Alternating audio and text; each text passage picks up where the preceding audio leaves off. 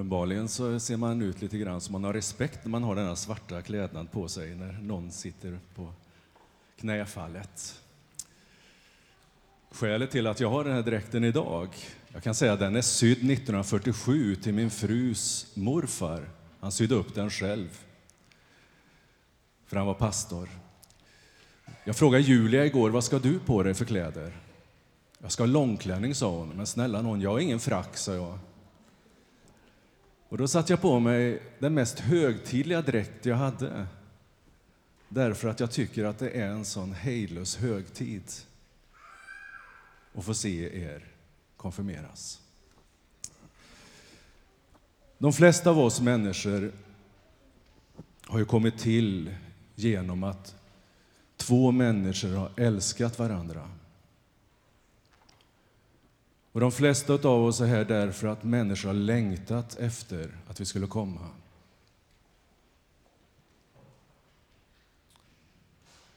Alltså, de flesta människor har kommit på grund av kärlek.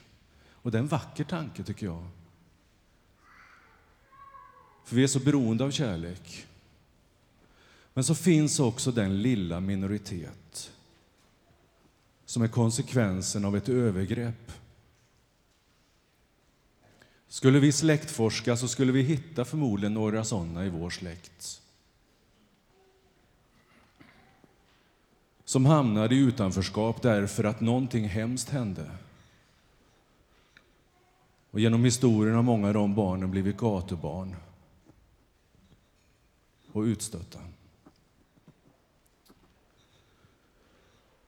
Det vi har försökt att säga till er konfirmander under den här, det här året det är bland annat att alla människor är älskade. Oavsett bakgrund.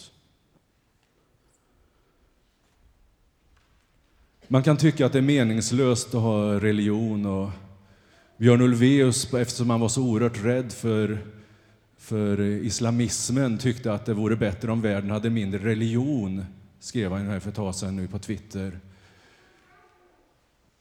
Att det vore bra om religionen försvann, då skulle det bli så bra.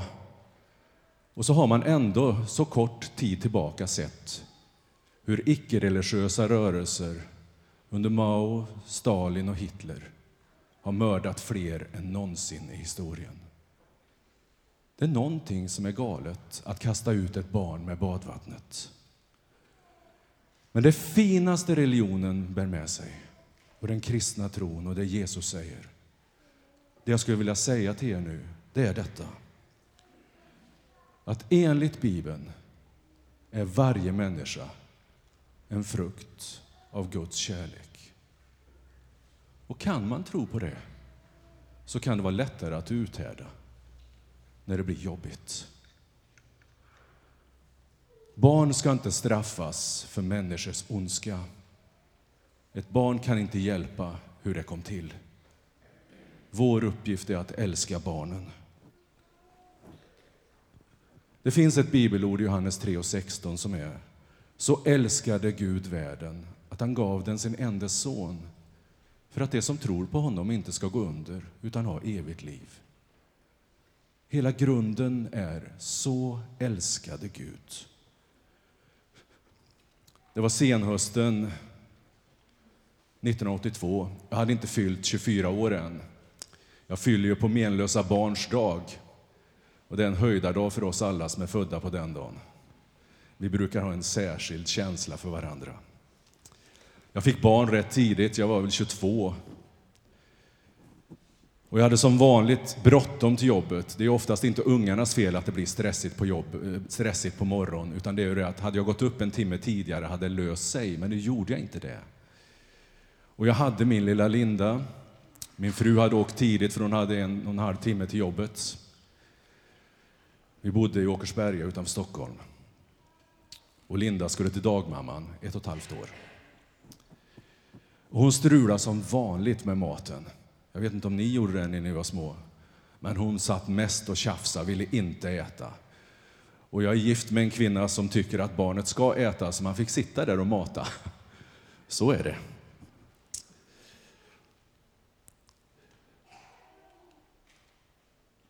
Och hon var intresserad av allt utom just att komma iväg. För hon ville gärna vara med pappa hela den dagen. Och jag rusade ner på bottenvåningen men innan jag gjorde det så satte jag henne på pottan. Och ni som är i min ålder vet att det fanns trevliga potter på den tiden. Sådana där som var, såg ut som troner i plast.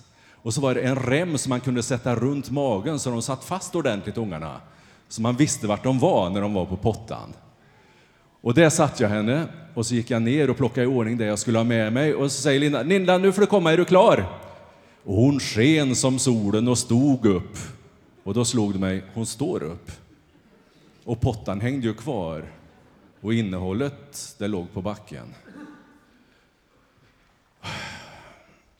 Jag tvättar av henne och jag blir lite smått så här. Ni vet ju själv, när man är stressad, det är då man gör de dumma grejerna.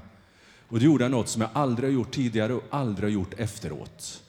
Jag daskade till henne lite grann på rumpan. Det var, inget, det var inte som när farsan gav mig stryk när jag var liten, utan en liten sån där snärt. Och uppenbarligen så tyckte hon att detta gjorde ont. Men hon började inte skrika. Vet du vad hon gjorde? Hon böjde sig framåt med rumpan mot mig och så säger hon Pappa, blås. Min älskade lilla unge kunde inte tänka sig att jag skulle kunna göra henne något illa. Aldrig. Men nu hade hon ont och vad gjorde hon då? Hon gick till den som hon hade trygghet hos och sa blås pappa. Och det lärde mig något.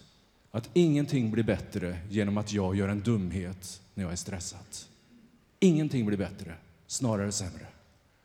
Och det andra var att jag fick en bild av Gud. Inte hela bilden, men en bild av Gud. Att när jag har min smärta,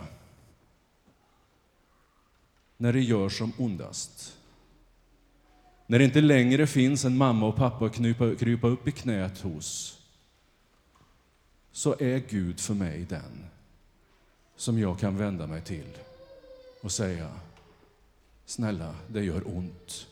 Blås. Så älskade Gud världen.